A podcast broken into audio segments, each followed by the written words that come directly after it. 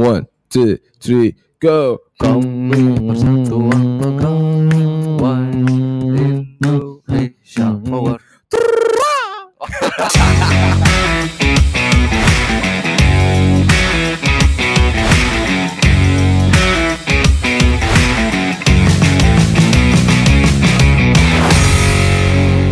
Ramadan tiba, Ramadan tiba, Ramadan tiba. Marhaban. Ya Udah. Ramadan Cikipish. Ya Ramadan. Ya Ramadan udah, udah, udah, Bang. Lanjut jadi Isdalia kita nih. Oke. Ini udah berapa hari kita Ramadan, Bang? Udah ke-16 ya kalau nggak salah hari 16 ini. hari ini Alhamdulillah belum ada batal nih. Belum ada batal ya Alhamdulillah belum ada Tapi batal. makan siang ada ya Enggak sih, tapi sempet kepikiran Ya. doang. tapi nggak jadi alhamdulillah. Iya, Alhamdulillah Karena Nah. ada istri yang ngingetin ya bro. Iya, benar sekali. Alhamdulillah Tahun ini beda dengan tahun yang kemarin ya Beda banget sih tahun ini. Alhamdulillah. Kalau kalau tahun kemarin kan makannya cuman kalau buka kan kalau nggak bakwan ya paling nggak lontong lah ya. Iya Kalau sekarang alhamdulillah naik lagi naik dikit naik dikit ya Indomie lah paling.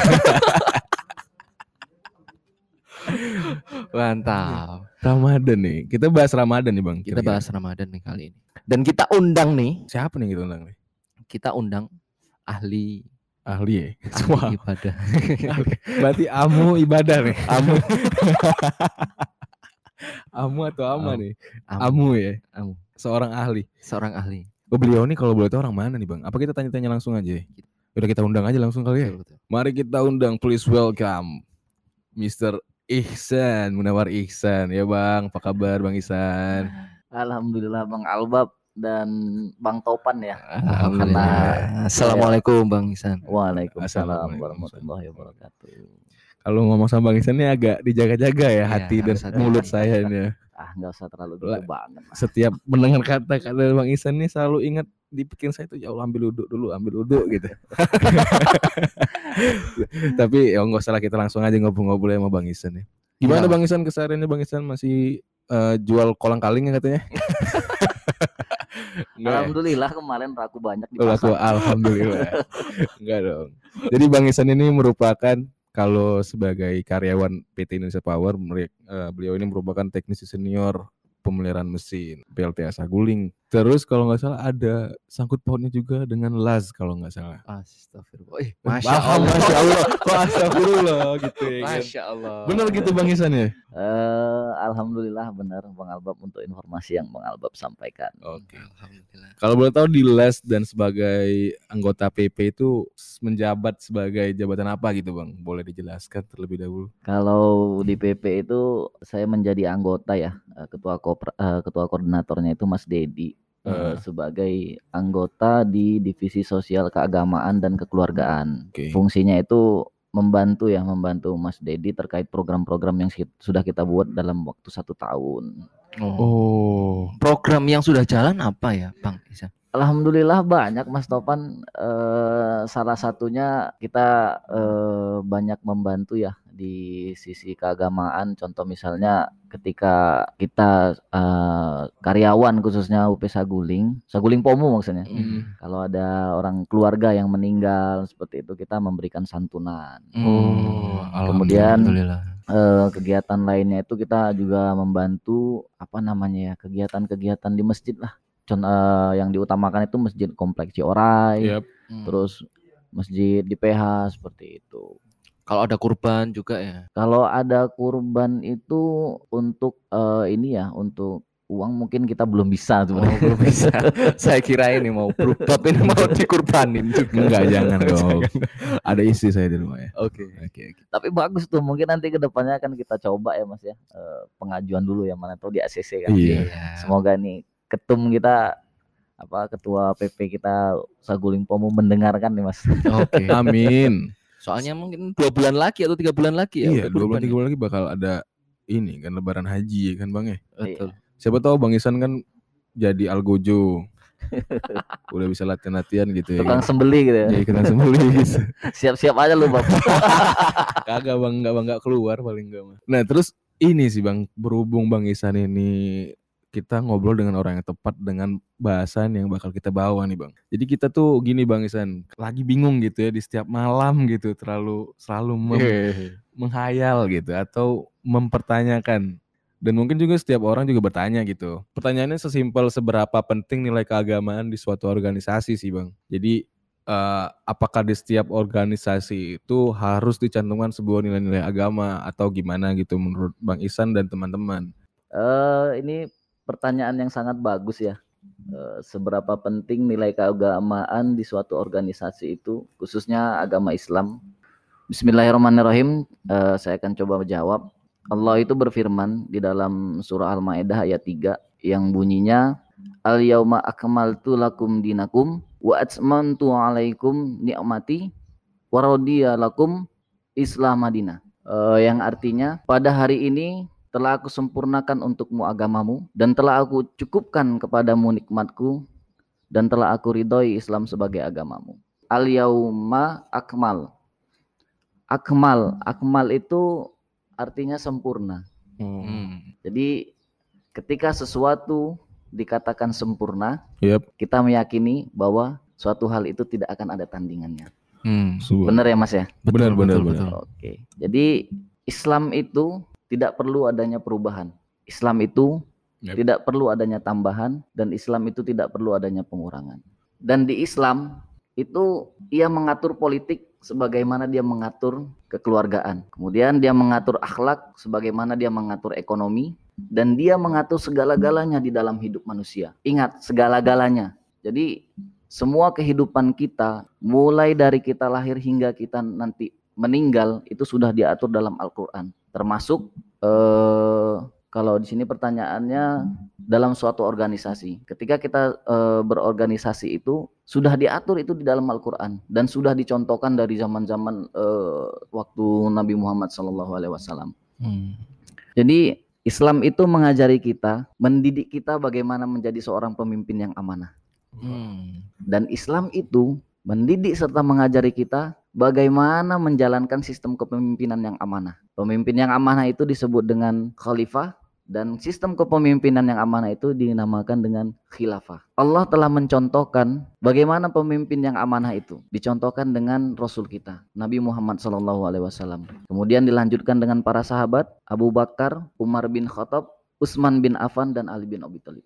Kemudian Allah juga mencontohkan sistem kepemimpinan yang amanah atau khilafah tadi. Itu dicontohkan dengan kepemimpinan Nabi Muhammad SAW dan kita meyakini eh, dari dulu perkembangan Islam itu seperti apa. Hingga sampai saat ini kita merasakan nikmatnya, merasakan keberhasilannya Islam yang tersebar di seluruh dunia. Maka kalau nilai-nilai agama itu kita terapkan di suatu organisasi, percaya pasti organisasi itu akan sukses. Oh. Apalagi mengharap ridho Tuhan ya, mengharap, mengharap ridho Allah Subhanahu wa taala.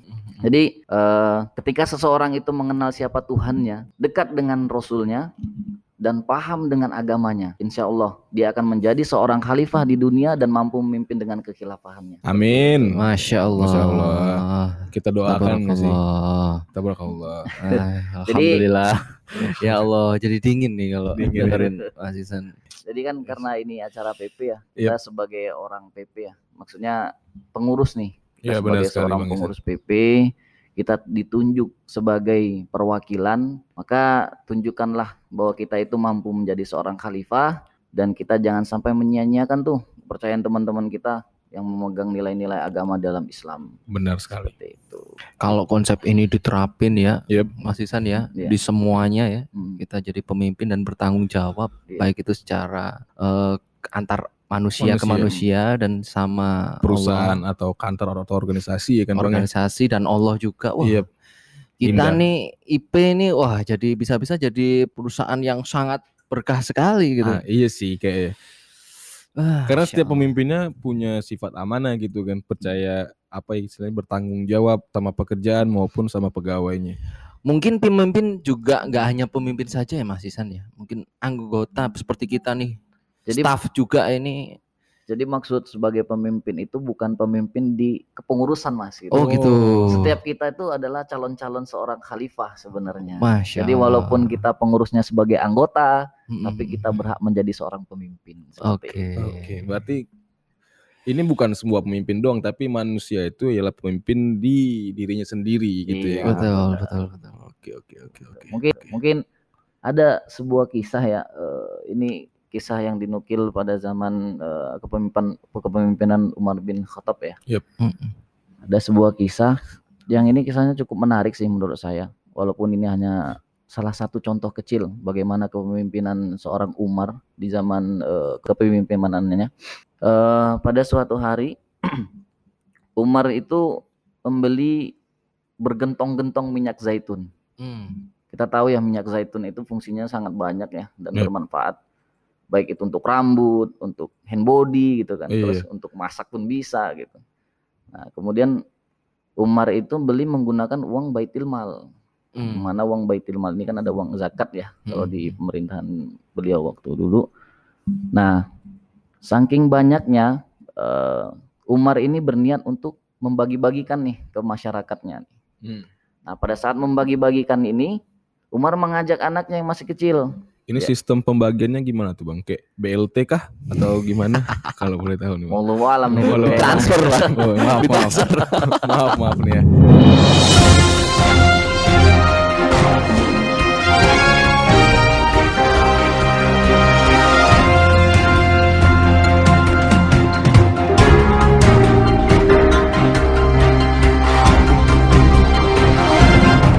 Berita-berita dua brewok. Pemerintah memperpanjang masa larangan mudik Hari Raya Idul Fitri 1442 Hijriah. Kini larangan mudik diberlakukan lebih dari sebulan, yaitu mulai 22 April hingga 24 Mei 2021. Ketentuan baru tersebut tertera dalam Adendum Surat Edaran Nomor 13 Tahun 2021 yang dikeluarkan 21 April 2021. Surat edaran tersebut ditandatangani Kepala Badan Nasional Penanggulangan Bencana selaku Ketua Satgas Penanganan COVID-19 Doni Monardo.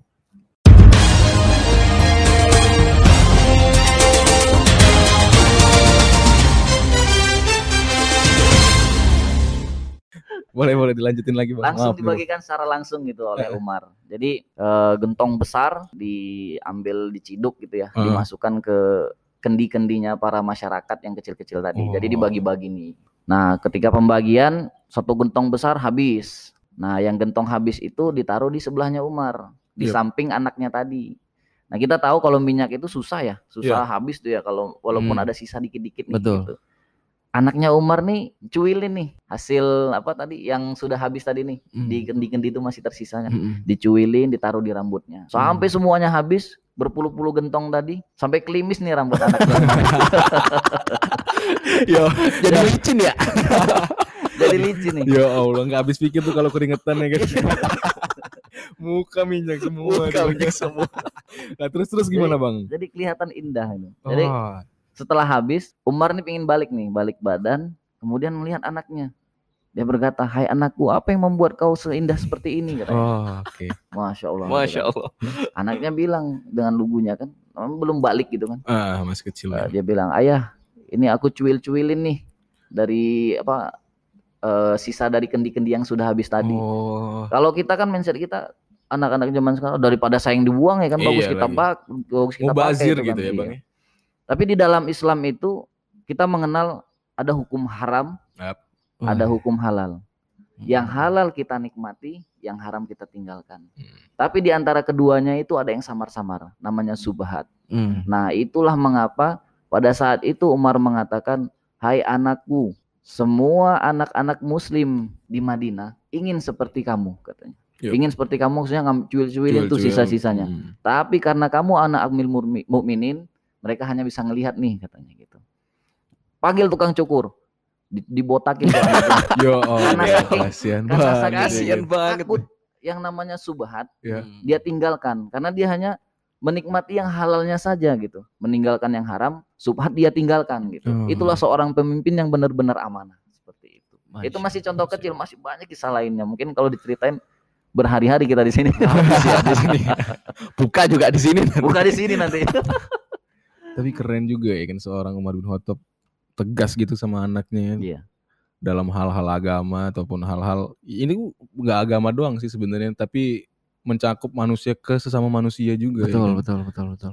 Keren keren sih, keren sih. Nanti kalau anak aku kayak gitu, misalnya dia ngambil-ngambil nyuil-nyuilin ini nih, suruh botak juga deh. Botak. Botak. Cuil apa dulu nih? nyuil ini minyak zaitun. Oh, kira cuil apa? iya, enggak dong. eh Anda tadi bahas- baru bahas bahas apa nih? Ya tapi semoga lah, semoga eh, pemimpin-pemimpin kita itu baik itu di perusahaan kita atau Yap. negeri ini ya Amin. khususnya ya, bisa meniru eh, apa yang telah dicontohkan oleh Nabi kita dan sahabat-sahabat Nabi Amin, amin, ya kita ya. Kalau itu bisa, oh ya mantap sekali nih. Bapak. Iya, benar sekali sih, Bang. Nggak ada tuh yang namanya dirugikan, Oh, ada iya. yang namanya Ah. menguntungkan diri sendiri, itu Betul, betul. ada. Korupsi itu enggak ada kerjaan tuh KPK tuh. Nggak ada tuh. Nggak ada kerjaan tuh makan gaji buta. Iya, yang adanya kita pada ribut kan. Oh, tuh KPK ngapain tuh makan gaji buta? Kalau bakalan kayak itu ya kan. Tapi kan sekarang deh Iya, KPK iya. lagi kerja keras banget ya kerja kan. keras banget ya. Kita doakan lah Kita ya. doakan semoga KPK semakin kuat gitu ya kan. Amin, amin, Amin, amin. Amin, amin. Baik, baik, baik, Bro. Ah, Kita juga di bulan Ramadan nih Mas Yan nih. masih di rumah Ramadan ya. Eh, belum Syawal ya. Belum, belum, belum Belum. Syawal Bang. Masih berapa hari lagi? Masih berapa hari lagi nih? 14. 14 hari 15. 14 hari lagi, Bro. 14 hari lagi dan belum ada kata mudik ya. Belum ada kata mudik sih. Belum ada kata mudik. Belum ada wah, diperbolehkan mudik ya lagi Allah, kan. Dua tahun. Udah dua tahun namanya ya. Bang Topon udah 2 tahun Dua gak balik. tahun. Saya Dua juga 2 tahun. tahun. Bang Isan berapa tahun nih Berapa nggak tahun? nih? Sama kita dua tahun. Dua dua tahun. tahun. Tapi katanya rencananya gak mudik lagi nih tahun ini nih. Walau alam nih. Oh. Kak. Coba aja kalau teman-teman Sumatera mau berenang juga coba Iya. silahkan. Tapi pemerintah lumayan tegas ya kan soal mudik-mudik gini ya nggak sih Bang. Hmm, Soal apa sih pembatasan buat mudik ya? hmm, hmm, hmm. Tapi kalau pembatasan balik kampung nggak ada sih kalau nggak salah ya. Oh itu nggak apa nggak apa-apa kelihatannya ya. Nggak apa-apa ya. Balik kampung sama mudik beda kan? Gak tahu tuh. Ada KBBI nggak di sini? Nggak tahu juga nggak ngerti juga saya. Eh sorry. Tap- Tapi Mm-mm. tapi tapi selain mudik ini ini kan masih bulan Ramadan dan ini ada pakarnya juga nih. Iya benar sekali bang. Bab. Eh, kita tanyakan nih. Ya. Tips dan triksnya kita menjalanin bulan Ramadan ini ini sudah hari ke-16, Iya. hari 17 dan selanjutnya itu biar kita lebih Semangat gitu. semangat, Heeh. nggak haus, nggak lapar, haus. Aduh. nggak bisa ya, Nggak bisa lagi. nggak bisa. Susah tuh. Susah. Itu itu gimana ya, Bro? Kalau Bang? Topan nih belum nih. Kalau Bang Topan nih biasanya tuh ke setiap hariannya tuh godaannya apa aja sih Bang kalau boleh tahu nih? Kalau godaannya sih saya ini ya, kalau lihat apa ya di TikTok ya? Oh, bukan, bukan. Oh, bukan bukan. Bukan. Di Instagram kita tuh. Oh, kita kan juga Instagram. ikut kuliner-kuliner Oh, iya, Surabaya, Allah, itu- apalagi yang asal kota kita ya. Bikin bibir Wah. mulut isinya air semua ya kan? Astagfirullah, Iya. iya. Iya iya benar-benar ngiler semua ngeces-ngeces kita kan. Nah, terus kita telan kan itunya. Apa Bang? Ya, Yang mana nih? Liurnya. Oh liurnya Kan liur. jadi ya. nggak haus. Mending liur walet ya kan bisa dijual. Ini liur kita nggak bisa dijual lagi. Jangan, jangan. Jangan jangan. Jangan. Nah ini mumpung ada pakarnya nih bang. Nah. Kita tanyain aja bang. Trik tips and trick ya kan.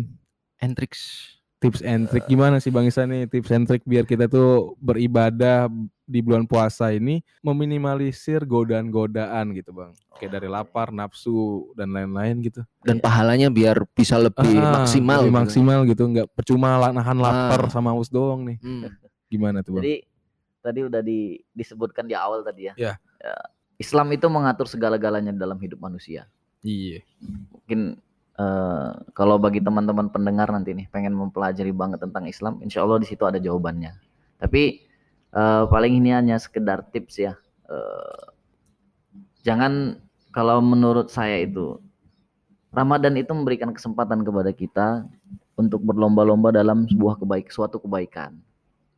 Jadi ketika kita melakukan kebaikan di bulan Ramadan, Allah itu akan membalas berkali-kali lipat Hmm. dibanding dengan hari biasa ya. Hmm. Iya, Hari biasa. Ada Jadi, diskon ya, iya. Ya? Jadi intinya bulan Ramadan ini atau ketika puasa itu jangan kita jadikan alasan untuk kita bermalas-malasan. Iya. Hmm. Apalagi pada saat kita kerja nih, oh lagi bulan puasa nih jam segini tidur dulu ah gitu Wah, kan. Wah, itu. Kan tuh. Enak nih gitu kan. Nah, Karena orang-orang itu biasanya berpatokan tidur itu adalah ibadah, Bang. Nah, iya. Itu gimana tuh? Tapi kita kan masalahnya di dalam Islam itu ketika kita bekerja kan udah ada waktunya nih gitu. Iya. Betul, betul. Nah, kalau kita korupsi waktu sama aja kita nggak memasukkan nilai-nilai Islam dalam diri kita seperti Oh iya itu. istirahatnya itu kan ada jam jam-jamnya ya kalau Betul, di betul. jam berapa Mas lupa saya jam 12 ke setengah Jam satu 12 ya. ke Setengah satu. Nah kalau itu untuk tidur nggak apa-apa gitu. Hmm. Tapi kalau jam 10 pagi udah tidur, jam 2 siang Oh, udah iya. tidur, wah. Kalau misalnya nih Bang kan kita Korupsi tidur waktu nih namanya. dari jam 12 nih sampai jam sampai asar nih kan orang udah pada balik kita masih tidur. itu gimana tuh hukumnya? ya itu pahalanya di mana nanti kan? iya. Apalagi nih kan kebiasaan kita kan dari zaman SMA sampai sekarang mungkin ada orang yang ngalamin kayak gini nih. Sok sengaja ya kan nggak tidur sampai sahur gitu. Hmm. Nanti habis sahur, habis subuh tidur tuh. Tidur sampai maghrib. itu gimana tuh, Bang? Jadi sebenarnya ketika bulan Ramadan itu Iya. memang waktunya kita untuk kurang tidur. Oh. kurang tidur. Malam itu kita ibadah, baik itu qiyamul lail, terus tadarus ya kita di Iya, sini iya. ada sahur bangun nanti tahajud Oh. seperti itu. Memang waktunya kurang tidur. Jadi hanya sebulan kok. nggak lama dibandingkan 11 bulan Hmm. kita cuman sebulan bulan Ramadan gitu. Manfaatkan dengan ben- sebenar-benarnya gitu. Jadi tipsnya kalau menurut saya jadikanlah puasa ini Yep. bulan Ramadan ini eh, untuk kita menjadi lebih produktif seperti itu. Oke. Ketika kita lebih produktif, insya Allah pahala mengalir. Amin, amin, Alhamdulillah.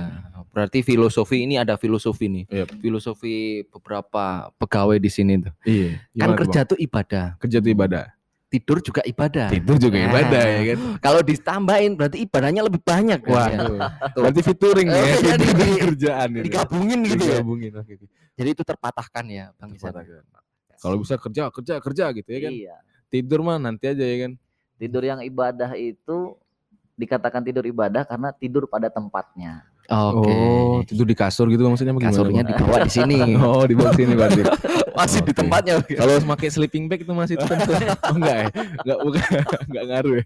Oh, jadi gimana tuh maksudnya tidur pada tempatnya tuh maksudnya gimana tuh Bang? Maksudnya gini, ketika eh, jamnya waktunya kita tidur ya tidur gitu. Oh. Kalau waktunya bekerja ya kita bekerja gitu. Bukan Tidur pada bukan berat- waktunya tepat gitu ya. Ah. Daripada kita melakukan hal-hal yang mengurangi pahala kita di saat itu kalau kita tidur tuh lebih baik gitu mungkin kali Bang ya. Iya, Tanpa daripada meninggalkan kewajiban gitu ya. iya, misalnya daripada malam kita cuman main game Iya. gitu kan, nonton Hmm. YouTube yang nggak jelas. Nah, Heeh. untuk menjaga kesehatan tubuh bagus kita tidur gitu. Oh Hmm. iya, bener sih. Nanti bisa tengah eh, sepertiga malam bangun tahajud gitu. Masya Allah. Masya Allah. Itu aku banget tuh. Oh. Albab banget.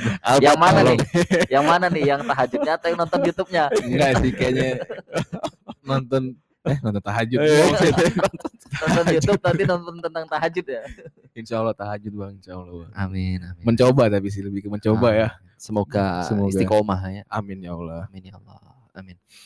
Baik, baik Bro. Iya bang. Bro Isan, mungkin eh, pertemuan kita dapat dicukupkan di waktu ini. Iya kali. Buat Bang Isan terima kasih banyak sih Bang atas informasi apa ya ya mungkin gua gitu Bang Topan atau teman-teman yang lain tuh belum tahu gitu Hmm. misalnya mungkin juga dari Bang Isan ngasih masukan-masukan soal agama tentang tidur-tidur tadi para pegawai yang biasanya tidur ya kan di tengah-tengah hari bolong bisa lebih produktif gitu ya kan paling enggak duduk di meja ngerjain apa gitu baca-baca ya kan bener nggak Hmm. sih Bang apa gimana nih gua nih Kan kerjaan kita banyak, Bang. iya lagi iya. Oh banyak bang. ya? oh nggak tahu nih bang. Beda tempat, beda divisi kita nih. Eh, buat Bang Isan terima kasih banyak bang Terima atas kasih. informasi-informasi yang disampaikan. Semoga Ramadannya atau berpuasanya lancar sampai hari raya Amin, gitu amin, bang. amin, amin. Amin, amin. Amal ibadah diterima dan semoga makin jaya di organisasi, di keagamaan dan di pekerjaan dan juga salam buat istri bang. Amin, amin. Amin amin. Ya bang, ada yang mau disampaikan bang? Ah, mungkin sudah cukup ya, Bang Isan ya. Iya, iya. Ya, cukup. Kita berpisah. Mungkin kita akan bertemu di waktu Lain-lain podcast gitu ya kan? Lain-lain podcast. Siap, siap. mungkin bahas-bahas soal sepeda gitu karena Nah, beliau oh ini- iya. lagi si penggila sepeda mereka nih Penggila penggila sepeda. downhill downhill downhill in the club guys keren keren yaudah cukup sekian bang ya Cukup sekian. yo bang Isan dadah bang Dadah, Bang. Oke. Goodbye. thank you ya Goodbye. Thank you. thank you. Assalamualaikum. Assalamualaikum warahmatullahi Waalaikumsalam. Wabarakatuh